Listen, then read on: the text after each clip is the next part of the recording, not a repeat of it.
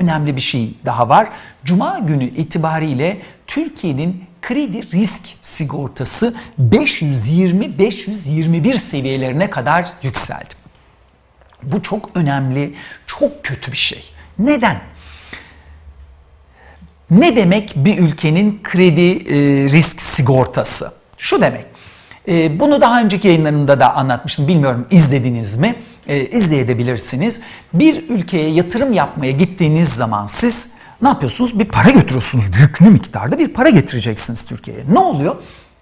dönüyorsunuz diyorsunuz ki ya ben Türkiye'ye 300 milyon dolar, 500 milyon dolar, 50 milyon dolar, 1 milyar dolar para sokacağım borsaya, bankaya e, veya hazine bonosuna Türkiye'nin. Bunu sigortalatayım. Bir şey olursa, batarsa, ödenmezse e, bu paralar diye gidiyorsunuz sigortalatıyorsunuz bunu. İşte buna kredi risk e, sigortası diyoruz. Türkiye'ye getireceğiniz parayı sigortalatma. Bu ne kadar düşükse o kadar iyi. Size daha çok insan gelir, daha çok yatırım yapar o insanlar. Türkiye'nin 2013 yılında 147 olan kredi risk sigortası 520'ye 521'e geldi. Kapanışta 520 idi. Cuma günü e, itibariyle. Halbuki iki hafta önce 490'lar e, seviyesindeydi e, Türkiye. Yeniden yükseldi. Türkiye Yunanistan kadar riskli bir ülke haline geldi.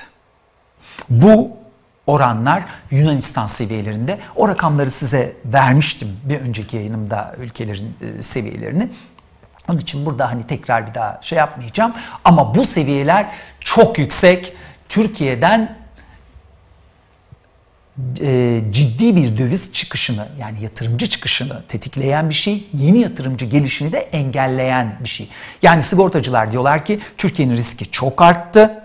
Eğer Türkiye'ye para yatıracaksan onu sigortalam için bana daha çok para getir. Tıpkı özel hayatınızdaki gibi. Siz eğer sağlığınıza hiç dikkat etmeyen, yaşı ileri, e, işte spor yapmayan, kötü beslenen e, bir insansanız e, o zaman sağlık sigortası yaptırırken sizden daha çok para isterler. Veya sürekli araba kazası yapıyorsunuz, sürekli kaza yapıyorsunuz. E, o zaman e, arabanızı sigortalatmanın, trafik sigortası yaptırmanın, kasko yaptırmanın maliyeti daha yüksek olur. E ben hiç kaza yapmıyorum, çok dikkatli bir sürücüyüm, hiç kazam yok. O zaman benim sigorta bedelim sizinkinden daha düşük olmalı doğal olarak. Aynı şey burada da geçerli riski, batma riski, iflas riski düşük olan ülkelere, şirketlere verilen, e, yatırılan e, para, verilen e, krediyi sigortalatmanın maliyeti çok düşük. Örneğin Almanya dünyadaki en düşüklerden e, biridir. Almanya'dan en düşüğüdür çoğunlukla. Ama riskli ülkelere gidildikçe e, karşılık daha çok istenir. Dolayısıyla Türkiye'nin riski çok yükseldi. E, 520 seviyelerine geldi Türkiye'nin CDS'leri. Son zamanlarda sendikasyon yani bankalar gidiyorlar yurt dışında çeşitli bankalardan e, döviz e, alıyorlar. Bir yıllık e, kredi alıyorlar. İşte o kredileri yenileme maliyetleri çok yükseldi. Faizler acayip yukarı geldi. Bir yıl öncenin iki katına geldi. 2018 kredilerini yenilerken Türkiye'nin en güvenilir bankaları yenilerken artık yabancılar iki kat fazla faiz istiyorlar. Bunun küçük bir kısmı dünyada faizlerin bir miktar yükselmiş olmasından, dünyada Libor'un yükselmiş, Libor faizlerinin yükselmiş olmasından ama önemli bir kısmı Türkiye'nin ekonomide çok kötü bir noktada bulunması ve Türkiye'nin açıkladığı programların, ekonomik programların çok önemli olmaması. Kimseyi ikna edememesi. Bu e, nedenle Türkiye'nin büyük bankalarının çok sağlam, çok önemli bankalarının yurt dışından bulduğu sendikasyonların faizlerine bakın. Dikkat edin gazetelerde sendikasyonlar yenilediğinde işte bu Türkiye'ye duyulan güvenin bir göstergesi diye açıklamaları görüyorsunuz. Peki bu duyulan güvenin göstergesi de faizi ne kardeşim bunun? Bir öncekiyle bunun arasındaki faiz farkı ne? Onları bulmak için çalışmak gerekiyor. Halbuki eskiden böyle değildi. E, şu, şu seviyeden e, yani şu faiz oranından şu kadar kredi buldu. Şunlar şunlar şunlar verdi diye haber yapıyor. Şimdi kimlerin verdiği, ne kadarının dolar ne kadarının euro olduğu gene söyleniyor. Fakat faiz oranı konusunda hiç kimse konuşmuyor. Hiçbir Televizyonda ya da e, gazetede doğru düzgün bunları göremiyorsunuz. Çok az yerde görüyorsunuz. Çaba harcamanız gerekiyor. Bunun yükselme nedeni bu. İşte Merkez Bankası'nın ne kadar rezervi var Financial Times'ın birinci sayfalarında tartışmaya çıkınca ve Merkez Bankamızın bu konuda yaptığı açıklama yeterli olmayınca herkesin bir gözü merkezin rezervlerinde sürekli gerçekten azaldı mı diye. Bu çok kötü bir şey. Merkez Bankası bu ülke için çok önemli bir kurum. Merkezin daha önce söylediğim bir şeyi tekrar söyleme ihtiyacı hissediyorum. Bu ülkenin kurumlarına sahip çıkmamız lazım. Merkezin üst yönetimini bir tarafa bırakın. Merkez Bankası'nın içinde hala çok ama çok bizi cebinden çıkaracak gerçekten iyi, e, yetişmiş, çok güvenilir, piyasayı çok iyi bilen insanlar var. Çok çok acayip yetkin insanlar var. Çok saygı duyduğum insanlar var. Ama mesele yönetimde. Yönetim bağımsız duruşunu yeterince piyasaya ikna edemiyor Merkez Bankası yönetimi. Bu yüzden de merkezin en önemli silahı olan güven. Faiz Faiz değildir merkezin önemli. En önemli silahı güvendir. O merkez bankası gerçekten sözünün arkasında durabilir mi? Bu gücü var mı? Çünkü bazen de piyasalar merkezin o gücünü test ederler.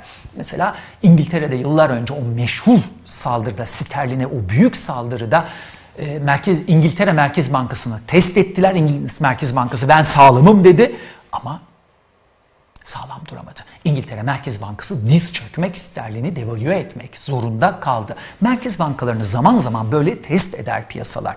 Acaba söylediğinin arkasında duracak gücü var mı? Ne yazık ki Merkez Bankamız zaten enflasyon tarafında test etmeye bile gerek yok. %5'lik ee, enflasyon hedefinin kaç yıldır nerelerde sonuçlandığını hepimiz biliyor, görüyor ve yaşıyoruz e, özel hayatımızda.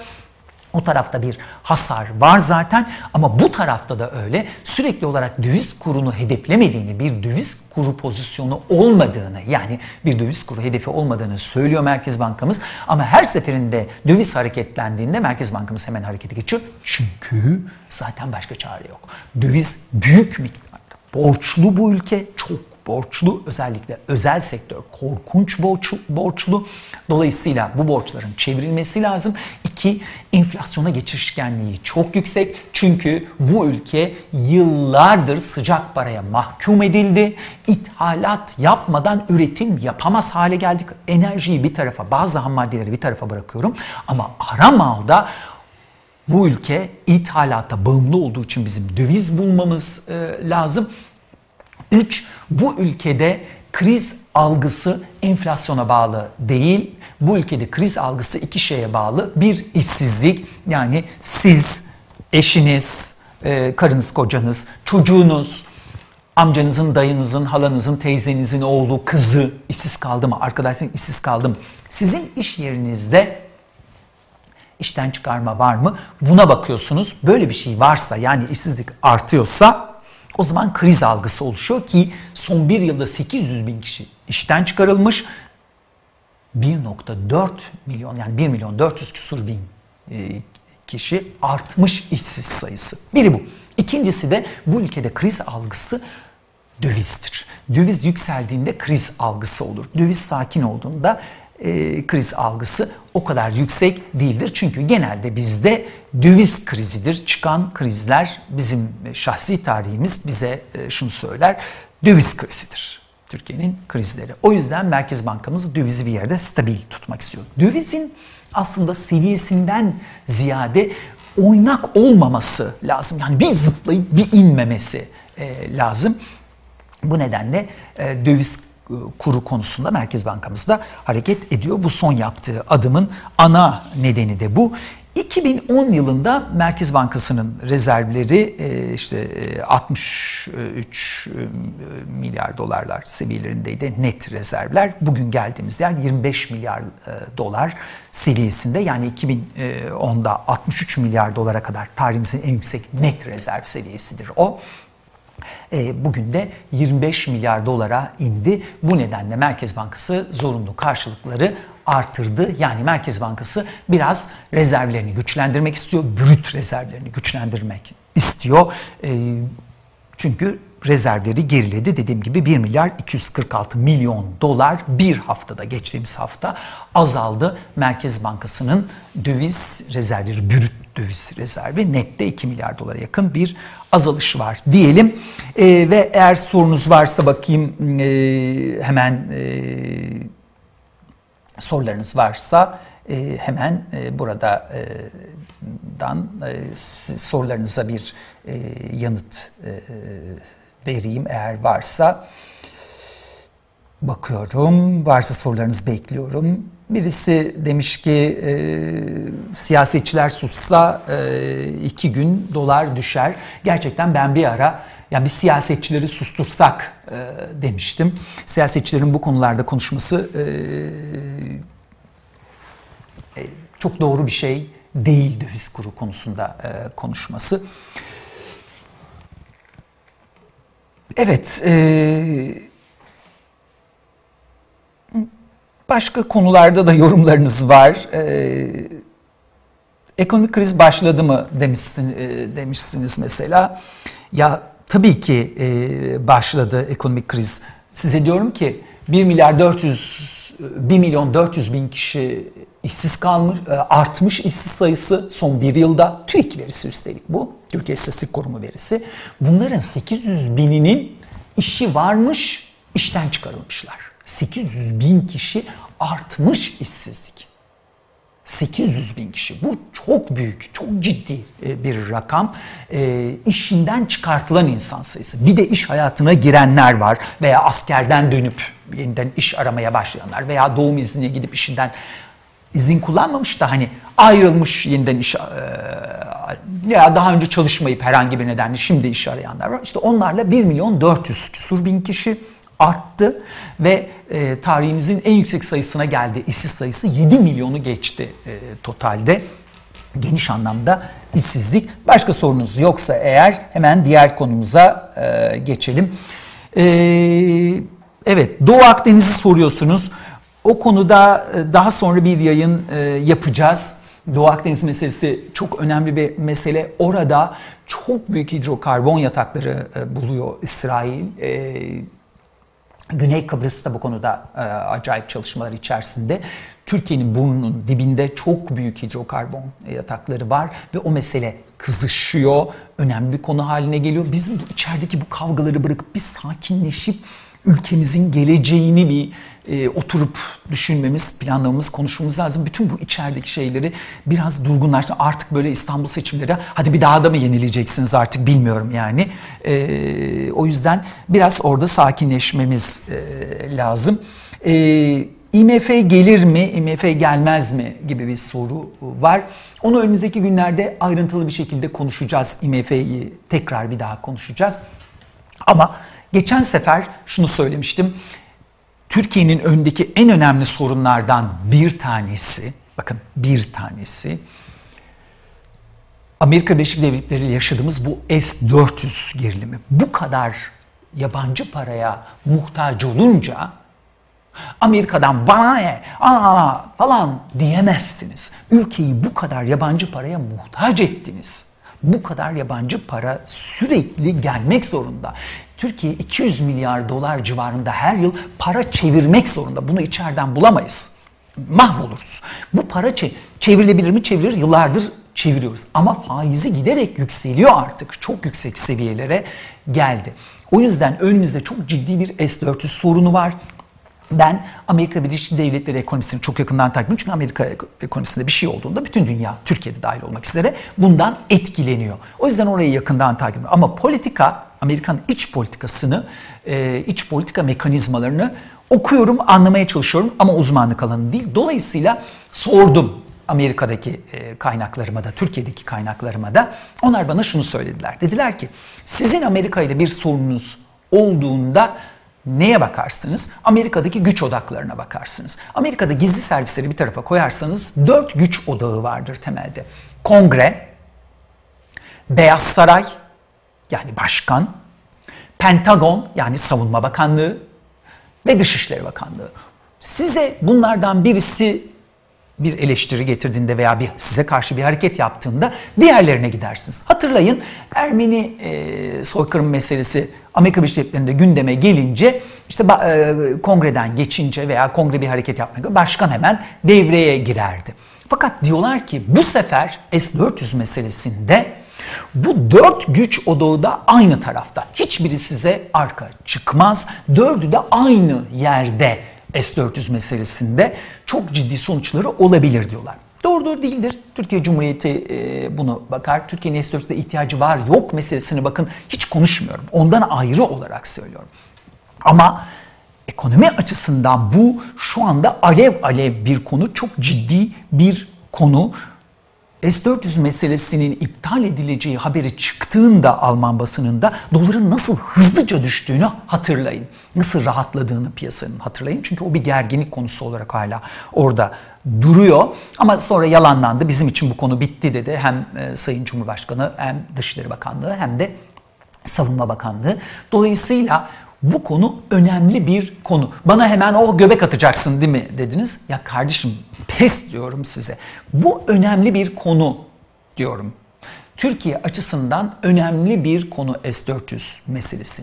Niye IMF'den sonra bunu söyledim? Şundan söyledim. IMF aslında bir çeşit şirket gibi düşünün. Bir konsorsiyum gibi düşünün. Herkesin ne kadar hissesi varsa o kadar oy hakkı var.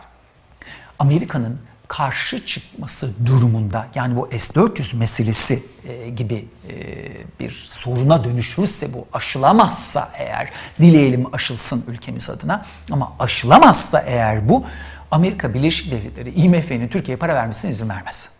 Ben size söyleyeyim. Yani IMF'ye gittiğinizde zaten ille de para size verecek diye bir şey yok. Kesinlikle yok. Türkiye'nin bir hissesi var orada. E, oy oranına tekabül ediyor. E, Belçika'nın var, Almanya'nın var, İngiltere'nin var, Japonya'nın var, e, işte Amerika Birleşik Devletleri'ne kadar en büyük hissedar Amerika Birleşik Devletleri ve Amerika bizi bloke eder. İsterse başkalarını da eder. Ama eğer S-400 meselesi olacaksa bu konuda ciddi bir baskı oluyor. Yani IMF'ye gideriz. Gittiğinizde bakalım IMF sizi muhatap alacak mı? Zaten öncelikle bir sert bir reform paketi isteyecektir. Çok önemli reform paketlerine benzemeyen çok ciddi bir reform paketi e, isteyecektir. Ama gittiğinizde ille de size para verecek e, diye bir şey yok. Önümüzdeki günlerde bunu biraz daha ayrıntılı konuşacağız. Türkiye IMF'siz gidebilir mi? Daha zaman alır, daha zor ve acılı olur. Çünkü keş e, bulamayız. Önemli olan IMF'nin nakit e, asıl şey odur. E, cebinize yani size kasanıza para koymasıdır. Daha zor ve acı olur. Çünkü kriz acayip bir kriz ama mümkündür. İyi bir program yapabilirsek. Çok önemli olmaması kaydıyla bunu bir daha söylüyorum. Öyle şekilsellerle mümkün değil. Fakat Türkiye'nin şu anda herhangi bir ekonomik programla artık krizi aşması, uzun vadeli büyümeye dönmesi mümkün değil dostlarım. Bunu bir kere daha söyleyeyim. Türkiye demokrasi, insan hakları ve hepsinden önemlisi hukuk alanında reform yapmadan, hukukun güvenliğini sağlamadan, tarafsızlığını sağlamadan kusura bakmayın. Mümkün değil. Mümkün değil. Burada anlattım. Ben dolar çıldırdığı zaman o 7 lira e, geldiği zaman Türkiye'de çok büyük miktarda para e, getiren bir e, fonun, yabancı fonun üst düzey yöneticisini aradım. Dedim ki ya size ne oluyor? Delirdiniz mi? Aklınızı mı kaçırdınız? Nedir sizin derdiniz? Yani demokrasi endişesine mi kapıldınız? Hatta şu cümleyi de kurdum. İçinize Emin Çapa mı kaçtı hani demokrasi e, yok, e, demokrasi gidiyor diye. Bana aynen şöyle dedi Emin Bey. Ben de Türkiye'de demokrasi olsun istedim. Dünyanın her yerinde olsun tabii çok iyi olur. Ama ben ona bakmam. O sizin sorunuz. Ben hukuka bakarım. Yarın öbür gün sizin ülkenizi yöneten kişi ben paramı dışarı çıkarmak istediğimde veya benim parama el koyduğunda gidebileceğim bir hukuk var mı? Hukuk artık sizin ülkenizde bağımsız değil, bağımsız yargı yok sizde. Bunun da bir karşılığı olmak zorunda. Yani siz bunun bedelini ödemek zorundasınız diyor. İşte CDS'ler dediğimizde aynı zamanda o. Bunun karşılığını ödeyeceksiniz diyor. İstanbul seçimlerinin iptali yani İstanbul'da sandığın tekmelenmesi Türkiye'nin CDS'lerini de çıldırttı. Türkiye'nin son kalan kırıntı hukuk e, algısını da tamamen yok etti. Dolayısıyla bunun bedelini de önümüzdeki aylarda ve yıllarda ödeyeceğiz. Dolayısıyla ez cümle bunu bitireyim. IMF'ye daha ayrıntılı da e, konuşuruz daha sonra. Türkiye'de istediğiniz ekonomik reformu yapın. Bırakın o çok önemli reformları gerçekten ciddi reformlar dahi yapsanız uzun vadede sürdürülebilir büyümeye, yeniden zenginleşmeye biz dönemeyiz. Çünkü hukuk yani yargı bağımsızlığı en başta o geliyor. Demokrasiden bile e, yabancı yatırımcı açısından da önemli. Zaten ikisi çok da iç içeler. E, bizim açımızdan aynı anlamdalar. İnsan hakları ve demokrasi reformu yapmadan Cumhurbaşkanlığı yönetim sistemi dediğimiz bütün her şeye bir kişinin karar verdiği, bakanların hiçbir yetkisi olmayan ve aslında kimsenin de ne yaptığını bilmediği bir yönetim sistemiyle Türkiye'nin yönetebilmesi mümkün değil. Zaten de şu anda yönetilmiyor. Dostlarım bunu mutlaka yapmak zorundayız. Başka yolu yok e, diyerek IMF meselesini de isterseniz e, bitirmiş olayım ve